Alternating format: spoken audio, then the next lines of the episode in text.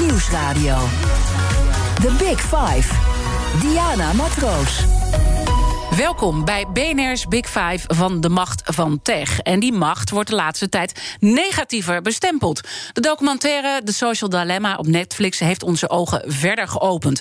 Want als zelfs de techmakers van het eerste uur kritisch zijn op wat ze destijds hebben gecreëerd met al die goede bedoelingen, dan geeft dat geen lekker gevoel. De kern, sociale media zijn verslavend, duwen ons in een bubbel en zijn een gevaar voor de democratie.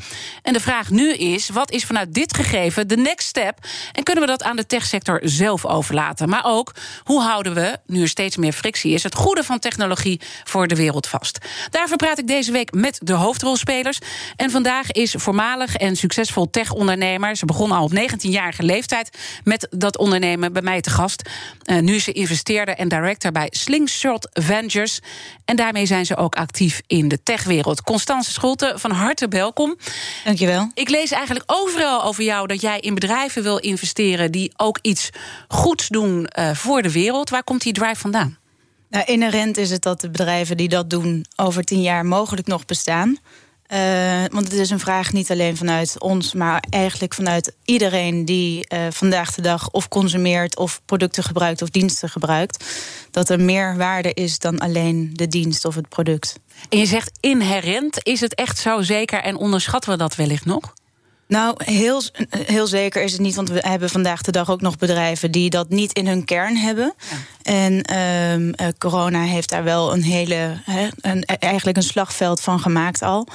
Maar het is, iedereen zal daar naartoe moeten bewegen. Ja, voor jou is het heel duidelijk, inherent zeg je, dat ja. dit gaat gebeuren. Ja. Waar is dat op gebaseerd? Op de vraag die dat, dat gewoon de mensen eigenlijk zelf bepalen waar zij nog hun producten uh, gebruiken of uh, uh, van afnemen. En de ene is daar veel bewuster van. Alleen ja. de bewustwordende groep die neemt toe. En dat zal een olievlek zijn. Dat is ook, denk ik ook wel goed om te weten. Vanuit uh, dat ondernemen wat je zelf hebt gedaan, uh, ben jij echt ook een specialist om te weten hoe de consument zich gedraagt. He, dus daar help je ook uh, die ondernemingen bij waar je in investeert, om daar ook goed naar te kijken. Uh, ik wil altijd ook mijn gasten een beetje persoonlijk uh, leren kennen. En ik las ook over jou dat je vroeger heel graag vrachtwagenchauffeur wilde worden. Want toen triggerde de wereld jou ook al. Want je wilde de hele wereld overgaan. Ja. Wat is het in die wereld dat jou zo trekt? Wat mooi dat je dat gevonden hebt. ja, dat is echt zo geweest. Uh, dankzij ook de redacteur, hè? die helpt mij daar ook bij. Dus oh, ik kan niet de credits alleen nemen. Ja, nee, het leek mij fantastisch. Gewoon in een nou ja, autorijden leek me sowieso al heel leuk. Daar moet je lang op wachten, zeg maar, voordat je dat mag. En in een in zo'n cabin gewoon de wegen over en, en, en heel Europa of de wereld ontdekken. Uh, terwijl je daar ook nog voor betaald werd, leek mij fantastisch. Dus uh, uh, het is helaas niet dat geworden. Maar op een andere manier de wereld en de mensen ontdekken. Ja, want wat, wat, wat is dan die wereld die jou zo fascineert? Dat je denkt van, ik, ik wil het niet alleen bij hier laten, maar echt bij de hele wereld. Ja, voornamelijk het menselijk gedrag. Dus wat beweegt ons, wat triggert ons? waar, waar komt zeg maar ons gedrag vandaan? En hoe ontstaat dat? Dus het hele sociale, de, de sociale wetenschap achter wie we zijn en hoe we ons tot elkaar verhouden, dat heeft me altijd geboeid vanaf jongs af aan. En als je dan zegt, uh, um, ik wil uh, in dingen investeren die ook iets goeds doen voor de wereld, waar heeft de wereld dan nu behoefte aan? Wat jij merkt waarvan je zegt, dat moeten we met z'n allen gaan doen? Nou, wat ik heel sterk merk is dat er steeds meer behoefte wordt, of het nieuwe normaal, dat kwetsbaarheid uh, uh, heel erg uh, omarmd wordt. En toegankelijkheid. Dus dat bedrijven hè, die voor, vooral heel erg hiërarchisch waren georganiseerd, dat dat nu veel meer vanuit de, de, de, de hele wisdom of the crowd wordt benut. Dus eigenlijk iedereen die maar met het bedrijf te maken heeft of er omheen beweegt. En uh, dat dat van veel meer invloed heeft dan alleen wat er top-down wordt bepaald. En ik denk dat dat een hele mooie beweging is, want daar hebben we allemaal behoefte aan. Dus een bedrijf kan er niet meer aan ontkomen om ook naar dat persoonlijke en dat maatschappelijke belang te kijken. Eigenlijk weer terug bij, ja. bij wat je op het begin zei. Ja, er zijn drie dingen die, die dan dus belangrijk zijn. Dat is één, het maatschappelijk belang. Twee, het bedrijfsbelang. En dan het individueel belang. En ik denk dat je die drie op evenredige wijze moet bedienen, uh, dat je dan spot on zit. En dat je dan dus ook heel erg helder kan vertalen wie je bent en wat je komt doen en wat je uh, meerwaarde ja. is van het bedrijf of, of uh, van de dienst die je levert. En, uh, en dat mensen zich daar ook toe kunnen weerhouden. Dus dat ze voelen van oké, dit klopt gewoon. Dit is iets waar ik heel graag gebruik van wil maken. En dan gaan we vanuit daar natuurlijk ook de brug maken naar technologie en naar de social dilemma op Netflix. Uh, die documentaire heb vast en zeker ook gekeken als je in deze wereld zit. En je hebt ook trouwens een, een, ooit zelf een, een heel klein sociaal media uh, platform opgezet. Hè? Ja, het is werelds kleinste sociale medium. Ja, eh, Camarilla. En dat is uiteindelijk heb je dat uh, verkocht. Dus dat is helemaal ergens anders nu ondergebracht. Maar je snapt heel goed die wereld. Hoe kijk je daar dan naar? Als je denkt het goede doen voor de wereld, wat jij net allemaal zegt, en wat je dan daar hebt gezien. Nou ja, ik ben dus gisteren terug gaan denken: waarom, hè, wat, waarom hebben we dat toen gedaan? Wat waren alle redenen? En een van de allergrootste redenen was gewoon persoonlijk geluk. Uh, het, het, het, het, het, terugbrengen naar, naar klein. En om wat voor jou te, te, te, ja, te, overzien is, te bevatten is. Ja. Uh, het is dus niet meer vrienden, maar veel minder vrienden. We, hebben namelijk, we zijn als mens namelijk niet geëvalueerd om zoveel relaties te kunnen onderhouden. Uh, we hebben maar een bepaald, uh, bepaalde rekenkracht waarmee we kunnen, onszelf kunnen bedienen. Hè. Je hebt sociale tijd, je hebt werktijd, je moet ook nog slapen ergens. En, en in de tussentijd weerhoud je je tot een ander. Um, dus wij zijn toen echt vanuit het, de, de drang naar persoonlijk geluk. Wat, hoe, hoe, hoe kun je dat jezelf daar heel goed in bedienen? door middel van technologie hebben we werelds kleinste sociaal netwerk gemaakt. Dus, dus mocht je maar 15 mensen uh, uh, toelaten. En dat was alles privé. Nou, dan schrijf je hele andere dingen dan. Dat is heel wat anders dan Facebook natuurlijk, ja, of Instagram. Wanneer iedereen meekijkt. Ja. En uh, eigenlijk is die, die vraag naar, naar dat persoonlijk geluk is alleen maar groter geworden. Alleen uh, de sociale media waar we ons op begeven, hè, dus Instagram en Facebook, et cetera, mm um, die zijn ook geëvalueerd nog door die tijd heen. Dus die zijn nu drie jaar verder uh, nog veel heftiger aanwezig dan, dan toen der tijd. En dat neemt in, ja, in, in, per dag in toenemende mate toe. En, en baart dat je zorgen dan wat je daar hebt gezien... en dat je dus eigenlijk die toppers uit die wereld... die dat zelf hebben gecreëerd met al die goede bedoelingen... Hè, wat jij ook zegt, uh, wij hebben zo'n klein sociaal medium uh, toen gemaakt... Om, omdat het juist dat intieme en mensen zitten aan een tax... dat je nu ziet dat dat toch een beetje ontspoort op die sociale media. Ja, want uh, dat heeft dus niet te maken dat, dat, er, dat je meer vrienden verzamelt... maar het gaat erom wat je ziet en uh, wat er aan jou gepresenteerd wordt. En exact. dat voor iedereen een hele andere timeline wordt gecreëerd op, op, op, op jouw gedrag. En dat gedrag eh, dat wordt uh, uh, gevolgd en, en uh, door een algoritme. En dat algoritme is zelflerend. Dus dat wordt iedere dag sterker. En dat gaat gewoon buiten ja. wat wij als mensen. We hebben het, hè, het zijn 25 tot 30 mannen in de leeftijd van rond de 30 jaar die dit gecreëerd hebben. En die 3 miljard mensen wereldwijd dagelijks beïnvloeden. En ze hebben dit met, met, met de kennis van toenertijd gecreëerd. Alleen het systeem is zelflerend. Dus het wordt iedere dag beter. Waardoor wij met z'n allen onwijs gemanipuleerd worden. Iedere wat vind je daarvan? Want je zit natuurlijk zelf in die techwereld. Wat, wat vind je daar nou van? Ja, het is een levend experiment waar, waar we in zitten. En ik vind dat zelf. Ja, ik ben, ik ben in een leeftijd dat ik zelf heel goed zou kunnen afwegen van in hoeverre laat ik mij beïnvloeden en uh, laat ik het toe. en, mhm. en laat ik me eigenlijk bewust manipuleren. Um, uh, dus dat is een mooie afweging als je die kan maken. Maar als je dat allemaal niet beseft, dan stel je jezelf die vraag dus ook niet. En dan laat je dus onbewust manipuleren. En ik denk dat dat voor een hele grote generatie geldt, dat dat nu aan de hand is. Want onze kinderen van 14, 15, 16 jaar, die hier iedere dag mee eggen, die stellen zichzelf niet die vraag per se, tenzij hun ouders met hen hierover spreken. Maar die worden dus wel gemanipuleerd en die worden dus wel beïnvloed. En ja, ik denk niet dat wij van schermtijd uh, meer gelukkig worden. Dus ja, ik ben ontzettend benieuwd wat dit gaat doen met, met die hele generatie die daar gewoon dagelijks mee te maken heeft. Ja, maar ik hoor dus ook wel uh, zorg in jouw woorden doorklinken. Hè? Dat je dus ook gewoon verschillen krijgt tussen groepen die daar wel goed mee om kunnen gaan. Uh, omdat ze ook de, de, de, de kennis hebben of, of, of, de goede begeleiding hebben. En, en de mensen die dat uh, niet hebben. Waar zou dan die oplossing liggen om dan iedereen uh, daarin mee te krijgen. Ja, dat is niet, dat is niet te bedenken. dat, dat, die, dat is de vraag die ook gesteld wordt aan die 25 man die dit uh, gedesigned hebben. En zij weten zelf het antwoord niet. Ja, de oplossing is om de, de, de ketting te doorbreken uh, van, van het geld. Dus uh, we, he, ze, zij, zij worden gebaat bij groei, bij engagement. Ik denk dat dat nog het meest gevaarlijke is. Dus de engagement, om te zorgen dat je iedere keer terugkomt naar uh, dat plekje om weer even te zien wat er in de wereld gebeurt, wat er met anderen gebeurt. Uh, ondertussen krijg je de advertenties te zien waarbij zij natuurlijk gebaat zijn. En dat algoritme, wat zo ontzettend geoptimaliseerd wordt iedere dag, daar ligt natuurlijk de ketting die hersleuteld moet worden. The Big Five. Diana Matroos. Deze week praat ik met vijf kopstukken die ons inzicht kunnen geven in de macht van tech en ook waar de oplossingen liggen. Morgen spreek ik daarover met Constantijn van Oranje en Victor Knaap van Media Monks is vrijdag mijn gast. Vandaag de gast Constance Scholte, investeerder in tech bij Slingshot. En uh, onze gasten stellen elkaar ook vragen middels de kettingvraag.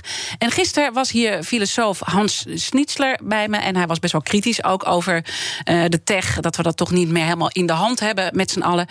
En in dat verband had hij deze vraag aan jou. Nou, waar ik echt oprecht heel erg nieuwsgierig naar ben, is wanneer zij dus bijvoorbeeld met bedrijven in zee gaan, die, die eigenlijk zeg maar een dataverdienmodel hebben, die dus alles nog wat doen met data. Ja, wat, zien ze als hun maatschappelijke verantwoordelijkheid? Kijken ze daar ook met een, met een ethische blik naar? Uh, en zo ja, hoe dan? En zo nee, waarom niet? Ja, een hele mooie vraag. En uh, jaren terug zou iedereen dat antwoorden van... He, we, we zorgen gewoon dat het in de regelgeving staat... dat het op een bepaalde manier uh, daarmee omgegaan wordt. Maar zodra er een verdienmodel bij komt kijken... en je niet weet tot welke grootte een bedrijf zou kunnen groeien... denk ik dat het dus heel interessant wordt om dat los te knippen. Dus om een onafhankelijke board toe te wijzen... die bepaalt hoe je met de data omgaat... En uh, dat los te koppelen van de eventuele belanghebbenden. Dus de investeerders of de oprichters van een bedrijf... of degene die uiteindelijk uh, okay. aandeelhouders zijn. Om, om dus echt daar vanuit een onafhankelijke positie te, te, te kijken of er goed en ethisch met al deze zaken wordt omgegaan. Ja, nou, als we het hier hebben over echt een dusdanig beïnvloedend bedrijf. die dus de levens van, van 1 miljard mensen zou kunnen. Van, van zulke grote ja. partijen. En, en, en die kleinere partijen, daar zou je dat niet bij hoeven doen. Ja, dat is heel anders. Dan, ja. dan, dan heb je ook maar een beperkte macht. Ja, als je dan even kijkt uh, naar hoe jij uh, naar bedrijven kijkt. Hè, want natuurlijk bepaalde bedrijven wil je daarin uh, investeren. En dan kijk je naar een aantal dingen natuurlijk. Hebben ze een bepaalde tractie al. Hè, waardoor, waardoor ze echt uh, sneller kunnen groeien. Uh, maar kijk je ook um, steeds meer naar hoe ze met die data omgaan? Ja, nou, het, heeft te maken met wat is het product. Dus wij zitten in, in bedrijven waar je echt consumentenproducten hebt. Dus dan is data voor, over het algemeen niet het product verkocht wordt. Uh, uh, maar dan kijk je dus wel van, van wat, wat, wat is de toegevoegde waarde? Uh, wat levert het op? hoe gaan mensen hiermee om? Dus als je op softwareproducten kijkt, dan gaat het veel meer over data. En dan zul je veel meer moeten kijken naar de ethische kwesties rondom het, het omgaan van die data of rondom ja. privacy stukken. En hoe kom je daar dan achter of dat dan goed geregeld is? Als, als het gaat om die grotere bedrijven, waar, hè, die, die softwarebedrijven, dat ze dat op de goede manier doen. Waar let jij dan op? Dat, ja, ja. Het, is, het, is, heel moeilijk om, om daar uh, uh, een, een, juist antwoord op te geven. Mm -hmm. Want uh, het is, ja, we, hebben, we hebben heel veel bedrijven natuurlijk in de afgelopen jaar gehad. Iedereen heeft een bepaalde wet en regelgeving. En, en ook een eigen terms of agreement of terms of service waarin iedereen akkoord geeft. Maar niemand leest die kleine lettertjes. Exact, dat is en, het probleem. Ja, ja. En, en iedereen kan wel zeggen dat ze dat wel doen. En, en, en, en, en een, een fanaat kan zeggen: oké, okay, ik weet altijd wanneer ik mijn cookies uh, toestemming geef. Maar dat is gewoon niet zo. Dus, en hoe er intern mee om wordt gegaan, is toch ja, aan, de, aan de programmeurs. He, ja. om, om te zien wat er daadwerkelijk mee gebeurt. Um, dus het gaat, ja, zodra het fout gaat, dan kom je er meestal pas achter. Ja, en dat is, dat is eigenlijk dus niet. Uh, want, dit vind ik ook fascinerend wat Jasper Hauser maandag bij mij uh, zei. Die natuurlijk voor Facebook uh, heeft gewerkt. En nu ook een succesvolle tech-ondernemer hier in Amsterdam. Maar hij heeft jaren ook in Silicon Valley. Dat hij eigenlijk zegt: wij als de tech-experts weten ook niet meer wat er in die black box zit. Nee. En dat vond ik zo'n doodeng gegeven. Ik bedoel, je denkt nog van zij weten het nog, maar zij weten het dus ook niet meer. Nee, en dat heeft dus te maken met dat het een, een, een, een zelf in stand houdend geheel is. Het is namelijk een algoritme die ze hebben gecreëerd en die zichzelf. Ja. Uh, uh, iedere dag verbetert. Dus het overstijgt. En we spreken wel eens over singularity. Dat is wanneer computerkracht zeg maar, de menselijke sterkte overstijgt. Maar het gaat hier over het overstijgen, overstijgen van de menselijke zwakte. Want waarop is het systeem gebouwd? Is op het, op het, op, op het beïnvloeden van jouw geest. om je dus langer mm-hmm. engaged te houden. Dus het is op onze zwaktes uh, ingeschreven. En dat is dus eigenlijk ook het gevaar waar we hiermee te maken hebben. En als je dan over die zwaktes even doorpraat, want dat zag je ook in de, in de, in de Social Dilemma op Netflix uh, naar voren komen in die documentaire. We werden ook een beetje als machteloze wezens neergezet, alsof we er niks uh, tegen kunnen inbrengen. Maar de vraag is: is dat wel zo? Ik bedoel, uh, het is onze zwakte, maar staan we daarmee dan ook machteloos? Nou, dat ligt eraan hoe sterk je zelf dus bent. En hoe ja. bewust je bent van wat er daadwerkelijk met je gebeurt. Want je wordt gemanipuleerd. En als je daar, daarin in ontkenning bent, dan uh, uh, ben je ver van huis. Maar als het erover gaat dat je daar bewust van bent, dan is het in hoeverre laat je het zelf toe. Maar het is een verslaving. Het, ja. het zit namelijk echt op ons dopamine ja. Uh, Want hoe ga jij daar dan zelf mee om? Ik weet dat je uh, twee jonge kinderen uh, ook hebt. Die zijn nog wel heel klein, hè, volgens mij. Ja.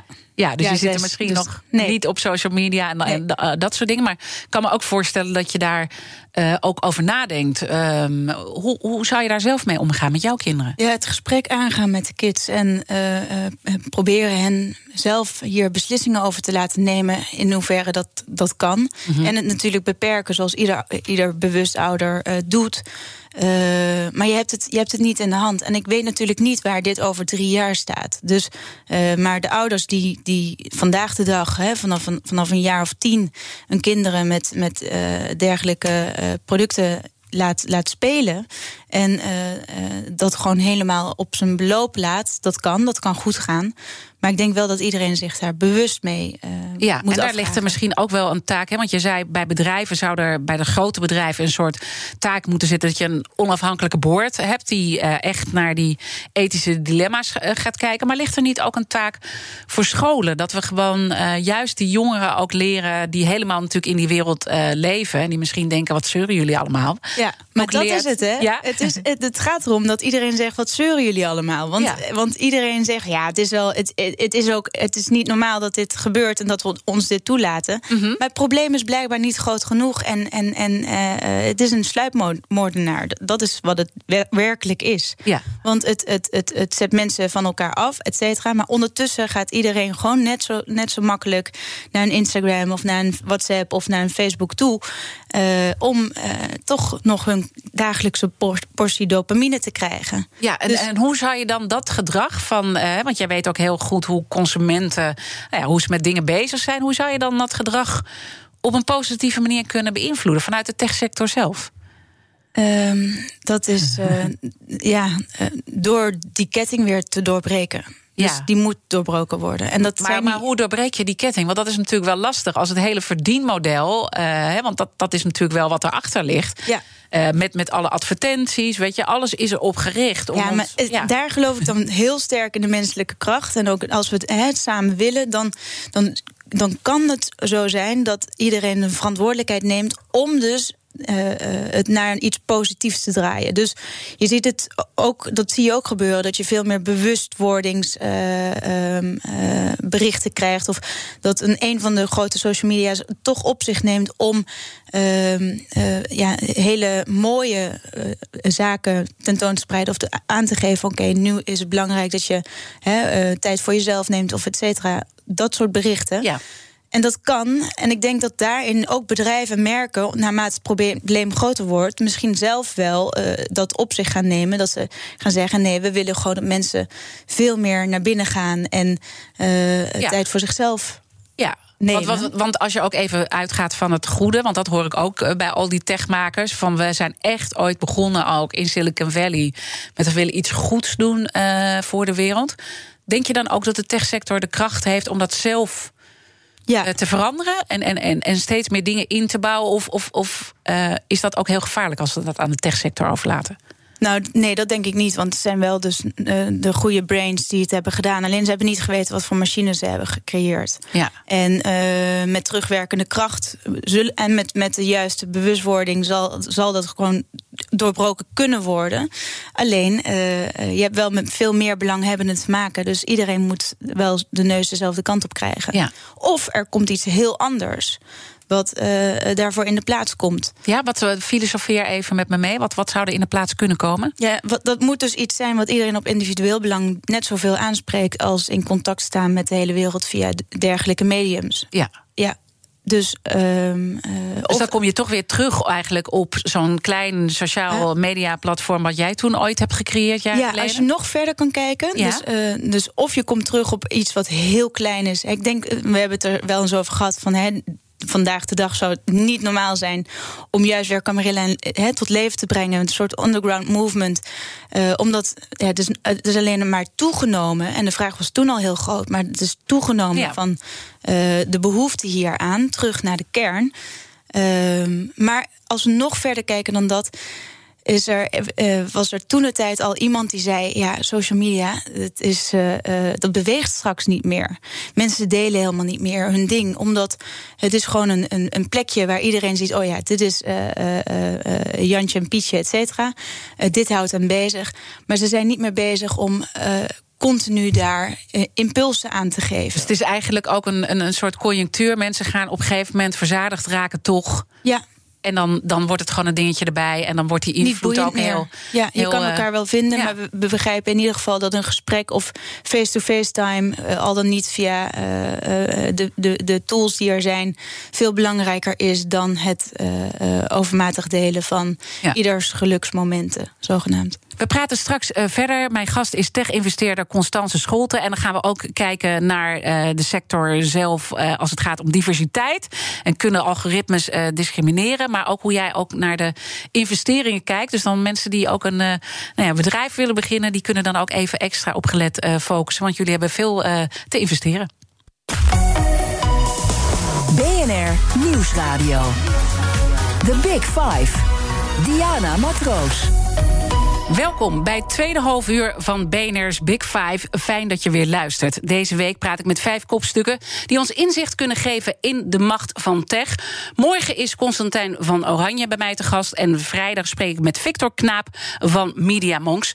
Vandaag bij mij te gast Constance Scholte. Zij is uh, investeerder in de techwereld, onder andere ook als director bij Ventures. We hebben het uh, deze week over de macht van tech in zowel negatieve als positieve zin. We hebben net ook uh, dat negatieve aspect al uh, met jou uh, besproken.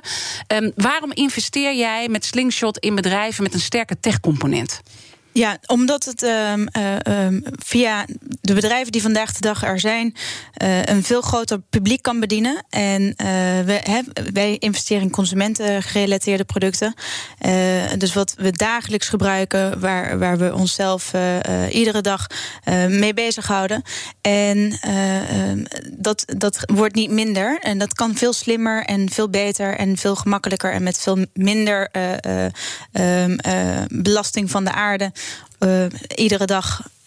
Ja, dus, dus, dus, dus het zijn eigenlijk twee uh, dingen. Want dan komt het weer terug bij je wil iets goeds doen voor de wereld. Hè, dus dat is dan dat uh, goede voor de aarde. Maar als je even dan naar een paar bedrijven kijkt, wat is dan de tech-component in dat verhaal? Noem eens even wat voorbeelden. Nou, bijvoorbeeld uh, Bolt King is een heel mooi bedrijf. zij zijn een van de weinigen die durven op te staan tegen de grote Goliaths van deze wereld. Dus Wil Wilkinson, Gillette, et cetera.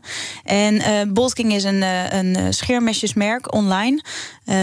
Zij zitten op dat een man veel makkelijker bediend kan worden met een product dat hij toch al dagelijks gebruikt, namelijk scheermesjes. En uh, in plaats van dat je dat dus in de winkel koopt en dat je daar iedere keer mee bezig moet zijn, is het gewoon op thuis bezorgd, op, op, op jouw scheergedrag afgestemd.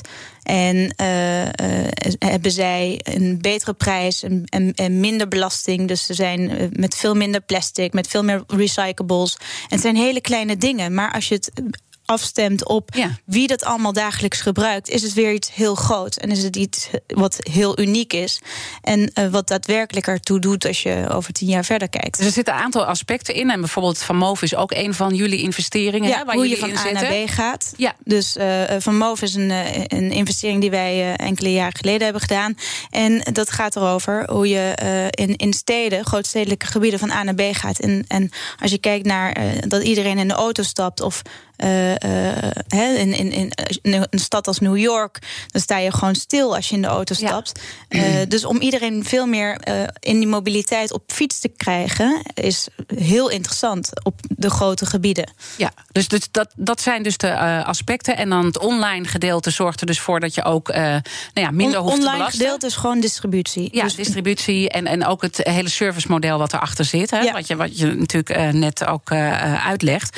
En hoe schat je dan uh, in? Want jij zegt, ik weet ook heel veel van die consumenten. En jullie investeren echt wel een, een flink kapitaal. Hè? Ik geloof 60 miljoen, alles bij elkaar. Ja, ja maar dat uh, wordt dus verspreid over heel veel bedrijven. Ja. Over het algemeen zo'n 15 bedrijven. Ja, en dat, het geld komt weer van allerlei ondernemers. Hè? Dat maakt jullie organisatie ook anders. Dat er heel veel ondernemers uh, dat geld weer investeren in, in potentiële nieuwe ondernemingen. Die flink kunnen groeien.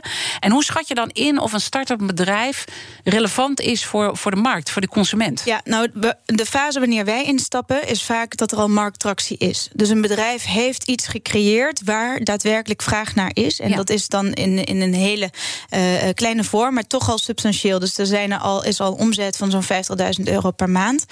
En, uh, en, en dat bedrijf heeft blijkbaar iets gecreëerd waar die vraag is, maar waar ook enigszins magie in zit. Mhm. En uh, wij kijken dan daarna en, en kijken van is het een trend? Is het iets wat kortstondig is? Of is het een product waar we op de lange duur uh, baat bij hebben? En uh, heeft dat bedrijf de potentie om personeel aan te trekken die het product of de dienst nog beter kan maken? En om die toenemende vraag die er in de markt is op de juiste manier te kunnen bedienen. Dus wij hebben daar eigenlijk allemaal checkpoints waarin we kijken of het iets is wat geen luchtkasteel is of uh, wat morgen weg is. Ja. En als je dan kijkt uh, waar we nu over spreken, hè, dus de macht van tech in negatieve zin en hoe je dat in een positieve zin kan oplossen, staan jullie dan ook open voor om meer te gaan investeren in, in, in, in uh, platformen die dus wel goed met dat ethische aspect omgaan? Nou ja. Wordt dat voor jullie belangrijker of kijk, blijven jullie gewoon in de breedte kijken naar van alles en nog wat? Ik denk dat dat dus een heel belangrijk punt is om even uit te lichten als het product de mens is, hè, dus een gebruikersdata, als dat het product is, dan moet je echt heel erg bewust zijn van het ethische aspect. Maar als het product een consumentenproduct is, wat gewoon tastbaar is, et cetera, dan heb je een heel ander verhaal, een heel ander uh, die je moet, moet afvangen. Dan gaat het erover of het product goed is, of, of het dat meerwaarde biedt, of dat de juiste prijs-kwaliteit verhouding heeft. Dus heb je happy customers en heb je happy margins, en heb je een, een, een product en een bedrijf wat levensvatbaar is. En niet alleen vandaag, maar ook bijvoorbeeld in een markt waar je economische trends hebt die om omhoog of om, omlaag gaan. En uh, dus dat zijn voor ons veel meer maatstaven waar we rekening mee houden. En um, daar, ja, daarin is het een heel ander ethische uh, ja. vraag die gesteld wordt. En als je dan uh, kijkt, um, um, nou ja, wat, wat, wat kan echt gaan vliegen en uh, waar investeer je in? Uh, waar ga je dan vervolgens over in gesprek? Waar ga je echt op, uh, op letten om ook te kijken dat, dat ze echt die levensvatbaarheid hebben? Ja, voornamelijk de mensen. Dus de mensen die het verschil maken. Dus dat zijn de ondernemers die het bedrijf gestart zijn. En het talent wat zij om zich heen verzameld hebben. Die eigenlijk allemaal in dezelfde missie en visie van het bedrijf willen staan en durven staan. Uh -huh. uh, de mensen die het product afnemen, dus happy customers, zijn er al, zijn er al klanten die daadwerkelijk ja, ja, heel happy zijn met de, de, de dienst of het product wat ze hebben gekocht. Mhm. En in hoeverre kunnen zij luisteren naar de wens van die klanten. Dus zijn zij eigenlijk helemaal bedreven om die klant veel beter te begrijpen. Uh, wat ze nodig hebben. En neem je dan ook het aspect mee, bijvoorbeeld van um, uh, voor de marketing? Hè? Want je weet ook veel over PR, marketing, hoe je dat uh, aanpakt. En daar gebruiken bedrijven ook heel vaak Facebook voor. Maar ja, daar kennen we nu intussen de negatieve verhalen van. Vind je dan ook dat zo'n bedrijf daar niet in mee moet gaan in, in Facebook? Omdat we toch met elkaar het goede doen voor de wereld, hè, wat jij zo belangrijk vindt? Of zeg je, ja, daar kan je niet uitstappen. Dat is gewoon onrealistisch. Dat, dat, daar zit het hele verdienmodel. Ja, dat, dat is onmogelijk. onmogelijk want, het is, ja. het is niet alleen Facebook, het is ook de Google-straat, et cetera. Ja. Dus je, je, dat, dat is waar, waar uh, dat is de grote shoppingcentrum van de wereld, is ja. het internet. Dus, dus, dat kan je niet vragen ook aan, aan al die ondernemingen om daar buiten om uh, iets te doen, om, om toch een soort nieuwe wereld te creëren waar we dus niet op een, een negatieve manier worden beïnvloed. Ja, en dat is dus ja. het hele, hele, hele dilemma, dilemma, waar we voor staan. Ja, nee, dus, dus ja, de online acquisitie, dat, dat het de, de wereld je podium is, daar, daar gaat het over. En dat is, kijk, is, en daarin komt de positieve zin weer. De toegankelijkheid die je van product en dienst en informatie uh, creëert door het internet, is natuurlijk gigantisch uh, mooi. Dat is een heel mooi aspect. Dus het gaat erom, zijn in de kern zit een bedrijf goed in elkaar, zit het product goed in elkaar, zijn het mooie producten, echt vanuit de kern. Ja. Uh, en dan bespreek je eigenlijk alleen vanuit iets goeds. Maar er zijn helaas niet alleen maar bedrijven en of uh, groeperingen die vanuit de kern iets goeds willen doen. Ja. En, en, en, ja, en, en dat is ook een beetje van alle tijden natuurlijk. Hè? Dus dat is ook wel weer. Ja. Dat, dat ja. denk ik dan ook. We maken ons heel erg zorgen om social media. Of tenminste, maar er zitten ook heel veel positieve aspecten. En dingen waren vroeger ook, werden we ook beïnvloed. Ook op een negatieve manier. Hè? Dus, dus dat, de bewust... moet het ook niet overdrijven. Nee, dus de bewustwording is gewoon uh, heel belangrijk. Ja, de bewustwording is uh, belangrijk. Als je dan even naar de Nederlandse techsector uh, kijkt, is er dan voldoende innovatie en talent? Ja, absoluut. Dus we hebben in Nederland een, een, een, een heel groot stedelijk gebied. Dat is de Randstad. Uh, heb je Utrecht, Rotterdam, uh, Delft, uh, Amsterdam. Wat een waanzinnig mooi centrum is voor talent. En waar ook internationale talent zich heel graag wil vestigen. -hmm. En dat hebben we nodig. Want in de tech-industrie. En de tech-industrie is florerend. Hè? Dus waarom is die florerend? Is omdat, omdat je dus op online al die diensten en producten kan afnemen. En de hele wereld aan je voeten hebt. Ja, en corona heeft natuurlijk ook echt wel een boost gegeven. Heeft dat een, heeft ons veel meer in die digitale wereld gedrukt. Heeft een gigantische boost gegeven. Wij zien dat dus ook bij al die bedrijven. Is dat ze uh, gewoon he, buiten proporties presteren. Omdat er nu veel meer uh, mensen zich online begeven. Of in ieder geval zich comfortabel voelen hmm. om daar de aankopen te doen. En, um, uh, en dat internationale talent, gelukkig heeft, heeft Nederland dus best een aantrekkelijkheid voor internationaal talent om zich hier te vestigen. En waarom hebben we hen nodig? Is echt omdat dat de krachten zijn die daadwerkelijk het ontwikkelen, de data analyseren, et cetera. En als je dan kijkt naar het kapitaal, is er voldoende kapitaal uh, om ook echt uh, al die innovatie en talent wat daar rondloopt tot bloei te laten brengen? In toenemende mate, ja. Dus ja. Zijn, als je kijkt naar de afgelopen drie jaar, zijn er heel veel fondsen ontstaan. Er uh, zijn heel veel initiatieven ontstaan, waardoor kapitaal ook toegankelijker wordt voor ondernemers.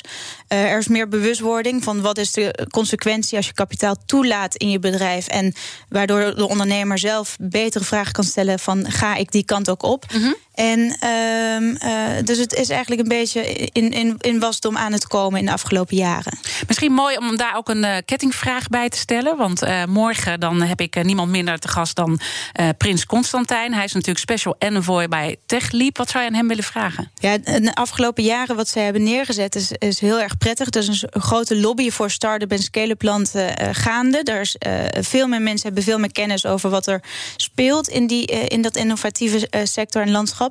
Uh, eigenlijk de vraag aan hem zou zijn van uh, uh, hoe zie je de komende jaren voor je en wat heb je nodig? Wat is de wens die jij zou kunnen vragen aan alle start-up en scale-up ondernemers of betrokkenen die jou verder zou helpen in de missie die je hebt? Oké, okay, mooi. Dat neem ik morgen mee. Dankjewel. BNR Nieuwsradio. The Big Five. Diana Matroos. Je luistert naar BNR's Big Five van de macht van tech. Mijn gast vandaag is Constance Scholte, director bij Ventures. En als investeerder is hij ook altijd op zoek naar ondernemingen met een sterke tech-component. Namelijk het hele online eh, gedeelte ook en het hele service-model daarachter. Want tech wordt uh, nou ja, natuurlijk steeds belangrijker. En corona heeft ons ook steeds meer in die, in die wereld gedrukt. Maar toch, als we dan eventjes naar die techsector kijken en uh, hoe divers uh, dat is, daar valt nog wel een beetje wat op af te dingen. Jij bent wat dat betreft een, uh, een uitzondering in die wereld. Ja, weet ik niet hoor. Het is wel een toenemende ja? mate gelukkig. Ja, ja, ik heb heel veel. Uh, heel veel ja, ook een beetje vreemd natuurlijk om alleen maar over seksen te spreken. Uh, uh, vrouwelijke collega's. Ja, mij interesseert het niet zo heel erg. of het nou man, vrouw is, of jong of oud, of wat van achtergrond dan ook.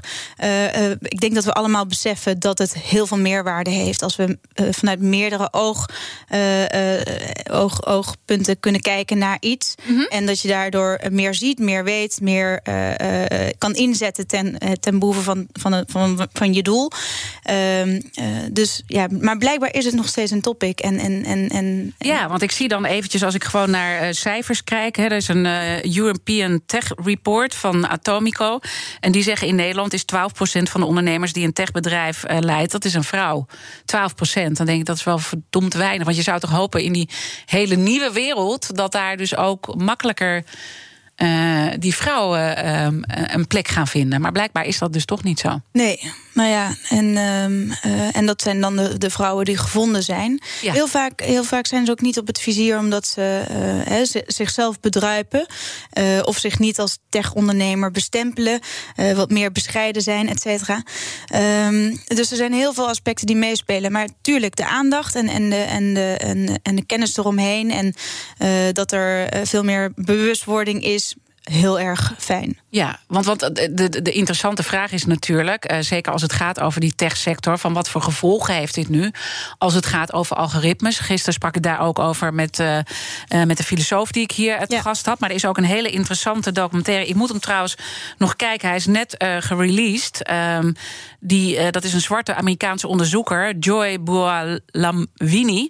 En die heeft code bias gemaakt. Dat is heel goed ontvangen in de Verenigde Staten. En zij heeft eigenlijk zelf uh, is er tegen aangelopen dat zij gewoon met haar zwarte gezicht niet herkend werd door de algoritmes. Uh, hoe, hoe, kijk jij daarna? Maak je daar zorgen over? Uh, discrimineren die algoritmes nou wel of niet? Ja, het is weer dezelfde designfout is, uh, waar we het al eerder over hadden. Het zijn zo'n groep van 25 tot 30 mannen die dit gecreëerd hebben. En, mm -hmm. en dat is er ingeslopen omdat, je, omdat het een zelflerend systeem is. Dus daar moet nieuwe input aangegeven worden, waardoor dit meegenomen kan worden. En die discriminatie en die, en, en, zal er altijd zijn. Want uh, zo is het gecreëerd. Dat krijg je ook niet zomaar ineens uitgewassen. Nee, dat, maar dat is wel doodeng dat je dat uh, zegt. Ik heb zelf dus uh, één keer meegemaakt. Ja, ik weet dan niet of dat discriminatie is en hoe dat precies zit. Maar dat ik bij een heel groot bedrijf hier in Nederland, ik ga niet de naam noemen, door een tourniquet moest iedereen heen om binnen te komen. En iedereen ging daar heel soepeltjes doorheen. En bij mij werd ik halverwege het tourniquetje werd ik, uh, nou ja, teruggeduwd, zeg maar. Dus het tourniquetje draaide niet door, maar ik werd er eigenlijk uitgespuugd, zeg maar. En toen kwam er iemand bij en toen kwam er nog iemand bij. En uh, iedereen was een soort van in paniek wat daar gebeurde. Want dit was echt nou, vijf keer. En uiteindelijk kwam dus de specialist, de specialist binnen de organisatie... die echt wist hoe die, uh, hoe die dingen werkten. En die zei, ik heb, nee, nu heb ik mijn haar vast... maar normaal heb ik nou ja, een heel grote koep met haar. Hè, dat Surinaamse haar. Prachtige koep. Nou, dank je. En en, en, en uh, toen zei die persoon tegen mij: van ja, het systeem herkent jou niet als één persoon. Want ja. het haar is te groot en dat zien we aan als twee personen. Ja, ik, ik, ik moest echt even slikken. Ik dacht, jeetje, weet je. Ik, ik, en, en nou ja, ze hebben dat allemaal opgenomen, ze gingen er wat mee doen. Ja. Maar dan denk ik, ja, dat, dit is dus wat er gebeurt. En als dat dus in die technologie helemaal ja. doorgaat. En daarom is het in de basis dus heel belangrijk dat je een bedrijf of, of, of wat je ook doet, hè, dus wat voor een entiteit je ook vormt. Mm -hmm. uh, en, en je hebt een doel met, met die groep om iets uh, neer te zetten hier in deze wereld. Dan dat je dus reflecteert wie je publiek is, ook van, in, van je organisatie uit. En dat is puur en alleen de enige reden waarom investeerders veel meer vrouwen, veel meer verschillende achtergronden of veel meer leeftijden aan boord zouden moeten halen. Omdat dat dus ook waarschijnlijk gaat reflecteren in welke producten mhm. ze gaan investeren. En stel jij daar dan kritische vragen over als investeerder? Even los of het nou een, een techbedrijf is of wat voor bedrijf dan ook, dat dat goed geregeld moet ja, zijn. Ja, wij kijken met name naar hoe zit het team in elkaar. En uh, uh, niet per se alleen op seksen, maar juist op welke, welke brains zitten daar aan boord. Want ja. iemand, het, het, is ook dat je niet alleen op de uiterlijke schijn af kan gaan, maar dat je ook ziet van oké, dat is degene die op die manier de markt benadert. En iemand anders staat daar volledig tegenover. En daar die complementaire groep, zeg maar. Mhm. Dat wordt zeker afgevangen en afgevinkt. Uh, ja, dus dat wel op die manier. Maar we hebben met z'n allen, hè, als je zegt het goede voor de wereld doen. En als er dus uh, uh, techbedrijven dus nu zijn, doordat dat eenmaal zo is gedesigned ooit, waarvan je eigenlijk zegt. Een zwakte een zwakte en dat zou eigenlijk ook zo blijven. Is dat dan niet juist als investeerder om daar nog meer uh, op te drukken dat, dat die bedrijven daar echt. Uh, ja, dus zo'n quotum helpt in die zin. Ja. Maar dat is niet alles afhangend. Maar het helpt in die zin. En ik, ik hoop dat, dat, uh, dat we heel snel bij zo'n quotum en bij wat, wat, uh, wat daar staat, uh, 40% van de vrouw, dat we daar komen. Ja. Maar, maar het is niet ik alleen vind het vrouw, hè? Het is, het is dus kleur, het is, het, Alles. het is verschillende milieus, leeftijden. Hè? Ja. Dus we moeten op alle perspectieven moeten we kunnen sturen. Wat zou jij jonge vrouwen die nu luisteren willen adviseren in, als ze in die techwereld gaan. Ja, en dan niet alleen jonge vrouwen, maar ik zou eigenlijk iedereen dan dus willen aanspreken. Want het zijn dus ook jonge, jonge, jonge lui of, eh, of juist een oudere garde. Uh, maar dat, dat men gewoon zichzelf continu uh, informeert over waar, waar zij uh, vragen over hebben of waar ze meer over willen weten. En dat die toegankelijkheid, doordat je jezelf hebt geïnformeerd en doordat je weet wat er speelt en waar, waar er wat speelt, vanzelf een behoefte krijgt om veel meer van jou te horen. Ja, maar is het niet ook, als je het dan toch even naar vrouwen, want ik heb ook een mooi stuk van jou gezien bij Harper's Bazaar, waarin je ook aangaf dat je eigenlijk pas veel later echt vrouw bent gaan voelen. Dus ja. even weer terug naar. Uh, nou ja, die jonge Constance die uh, met die uh, vrachtwagenchauffeurs de hele wereld over wilde. Je voelde die geen idee een jongetje. Had. Ja, die geen idee had. Ja. En, en, en nu is er bij jou een transformatie, hoorde ik ook in dat interview gekomen. Dat je steeds meer ehm, ja, ook, ook vrouw durft te voelen. Ja, is dat, zit hem niet daar, zit het dan daar ook in? Ja, het zit er daar zeker in. Want ik heb dus vanaf mijn negentiende ondernemingen gehad. En ben ik nooit geconfronteerd geweest met dat ik dus een vrouw was. Maar ik was gewoon een ondernemer in stand, et cetera. En er was niemand die daar ooit ever, ever over sprak. Ja. Uh, en, en in de afgelopen paar jaar wordt daar veel meer toelichting op gegeven. En is het ook wel weer beperkend, want je wordt dus wel in een hok gezet van uh, de vrouwelijke investeerder ja. of et cetera. Ja, wat mij betreft ben ik gewoon investeerder en ben ik daarnaast een vrouw. En heb ik daardoor een ander blikveld dan mijn mannelijke collega's. Um, uh, en, en zouden we het op die manier veel meer kunnen, kunnen zien. En zit die bewustwording van ervan binnenuit. Maar helaas is die wereld nog niet zo ver. En, en dus is het nog een dingetje ja. dat jij dan in die mannenwereld rondloopt... en dat ik dat dan ook weer zeg. En, en daarmee ja, hou je ook iets in stand. Hè? Want daarmee geef je ook weer een label aan iemand. Dat ja, snap ik. Waar we over praten houden we in stand. Ja, precies. ja. Dus uh, nou ja, dan moeten we, moeten we maar in die, uh, hè, in die investeringen beter op gaan letten dat dat gewoon goed geregeld ja, is. Ja, absoluut. Heel belangrijk. Ja. En, en, dat we daarin gewoon uh, de juiste keuzes maken. wie we de kracht geven om verder te mogen komen. Ik wil je heel erg uh, danken voor dit uh, gesprek. Constance Scholte van uh, Ventures. En van Slingshot Ventures, ja. moet ik natuurlijk zeggen. En alle afleveringen van BNR's Big Five zijn zoals altijd terug te luisteren. Je vindt natuurlijk de podcast in de BNR-app en op bnr.nl. Morgen, zoals gezegd, um, heb ik Prins Constantijn hier te gast. Ik hoop dat jullie dan ook weer luisteren. Maar blijf natuurlijk de hele dag hier live op zender bij BNR. Want straks Jurgen Ruijman met het programma Ask Me Anything... waar we vandaag niet alleen vragen mogen stellen, maar ook meningen mogen geven. Een experiment, zoals hij zei. Dus uh, blijf vooral uh, getuned op de zender. En ik wens iedereen een hele mooie dag. Bij BNR ben je altijd als eerste op de hoogte van het laatste nieuws. Luister dagelijks live via internet. Jelle Maasbach. Wesley Weert. We zijn er voor je met het leukste, opvallendste, maar natuurlijk ook het belangrijkste nieuws. Tijdens de presentatie van die halfjaarcijfers toen die beurskoers in elkaar kukkelde. BNR Beurs. Voor de slimme belegger. Blijf scherp en mis niets.